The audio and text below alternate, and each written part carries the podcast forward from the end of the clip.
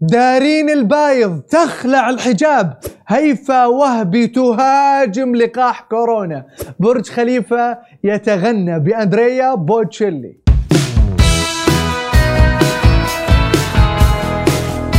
يا مرحبا وسهلا فيكم في برنامجكم مين مكسر السوشيال ميديا.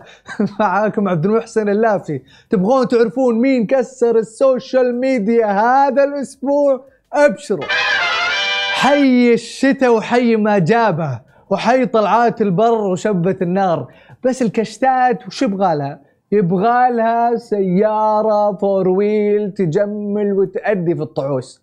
سوق راعين الفيتك قايم هاليومين خصوصا الفيتك. ندورهم الحين اللي عندهم هالسيارات. وعلي الطاهر ضبط وضعه مع أقوى راعي فتك فيك يا الربع الخالي. الله يقول لك خذ الفتك وخلي المسخرة. سلام يا على الفتك يا سلام ومنو راعي الفتك ولا قول شو السالفة؟ البنات اللي صاروا راعين كشتات. والشباب كوفي شباك. حديث الناس هالفترة عن لقاح فيروس كورونا. الحمد لله. الناس فعليا بدأت تأخذ التطعيم بعد كل التجارب والدراسات والأبحاث اللي قاموا فيها العلماء. وفجأة بعد هذا كله طلعت لنا هيفا وهبي بتصريح قوي ترفض فيه لقاح كورونا رفضا تاما. من خلال بوست نزلته بقرأ لكم النسخة المترجمة منه. أربعون عاما من البحث المستمر دون إيجاد لقاح للإيدز. ومئة عام للسرطان وأبحاث مستمرة لنزلات البرد. وفي أقل من عام وجد لقاح لكورونا. وتريدون أن أخذه لا شكرا. شكرا لك أنت على ال post اللي كتبتيه بعد دراسات طويلة بمختبر بيتكم. لا حول ولا قوة إلا بالله. ما أن إلا الدكتور محمد الصفي. تعال شوف شغلك. يا ريت ما حد يدز لي كلام هيفا وهبي يعني يعني والله حرام عليكم. أنا أتكلم عن جامعة اوكسفورد أتكلم عن ال CDC منظمة الغذاء والدواء الأمريكية باحثين علماء أطباء أفنوا حياتهم في العلم والبحث والتجارب ومنفعة البشرية. ودزوا هيفاء وهبي ورب الكعبة حرام يعني وايد وايد حرام. وبعدين انتشار فيروس كورونا مختلف جدا عن انتشار فيروس الإيدز. فكلش الكلام ابدا مو منطقي ولا ولا علمي. كلام شوارع. أي أحد عنده كلام يحط الدليل العلمي اللي يأيد الكلام اللي قاعد يقوله. أي كلام بدون دليل علمي كلام فاضي. في مواضيع ومشاهير الواحد ما وده يجيب طاريهم ابدا لكن لما يكون ترند ومتداول بكل مكان كبرنامج مختص بالترند ننجبر نتكلم عنهم. ما عرفتك وهذا اللي صار لما شفت دايرين البايض. ترند الأيام الماضية. دخلت أشوف شنو صاير ولا تسأل ولا تشتاق لي شوية. وإذ طلعت دارين شالت حجابها وطالعة توضح إنها كانت مو مقتنعة بالحجاب وحطته بس لأنها خايفة من المجتمع. ولأنها الحين ما يهمها خلاص رأي المجتمع طالعة توضح للمجتمع ليش شالته. يا جماعة ما في حجاب كذا. بهذه الطريقة ما في. اللي تقول لك أنا محجبة كذا مو محجبة المحجبة تتحجب كذا يعني زي كيف بتصلي؟ ولا شعرها تبان أيوة هذا حجاب. حجاب بهذه الطريقة هذا مو حجاب. الطرحة موضوع اختياري.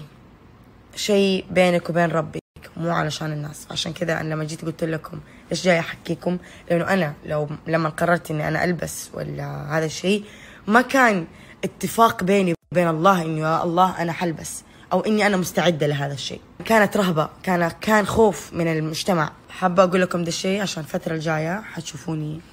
بشعري. حتشوفوا أعمال لي بشعري. فعشان لا أحد يقول فكت الحجاب عشان مسلسل. فكت الحجاب عشان أفلام. فكت الحجاب عشان أستغفر الله. لا هذا قرار شخصي. مو تطلع تقول ها فكت الطرحة هلا عشان فلوس.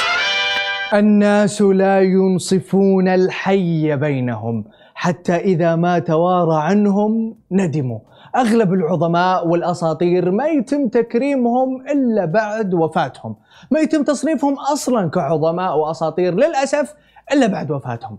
بيكاسو بيتهوفن شكسبير المتنبي إينشتاين أم كلثوم مارادونا مايكل جاكسون والقائمة تطول. ولكن فيه أساطير ما زالوا على قيد الحياة مثل فيروز محمد عبده عادل إمام أندريا بوتشيلي وبرضه هنا القائمة تطول. هالعمالقة لابد من وقفة لتكريمهم في حياتهم؟ ولأن تكريم الكبار ما يجي إلا من الكبار. استقبلت دبي باحتفال مهيب مغني الأوبرا الإيطالي العملاق أندريا بوتشيلي. ما تعرفون بوتشيلي؟ إلا تعرفونه. بسمعكم أشهر أعماله.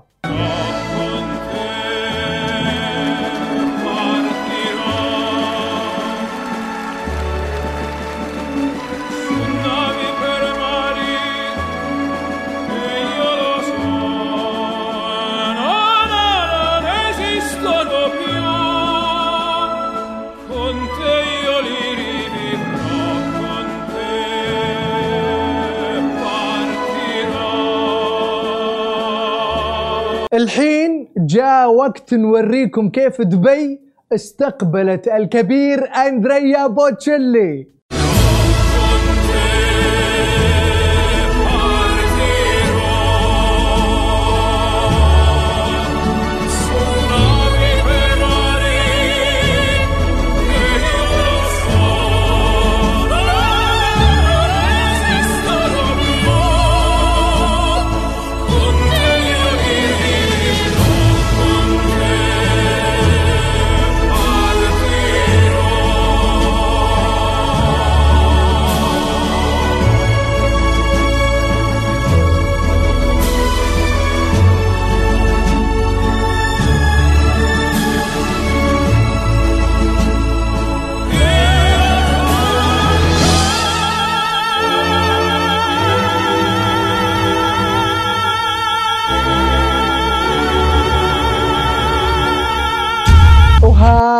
وهذه كانت أخبار المشاهير والسوشيال ميديا. لا تنسون تشتركون في برنامجنا وتفعلون التنبيهات وتسوون follow لسماشي ونشوفكم كالعادة كل اثنين وخميس الساعة 9 بتوقيت السعودية.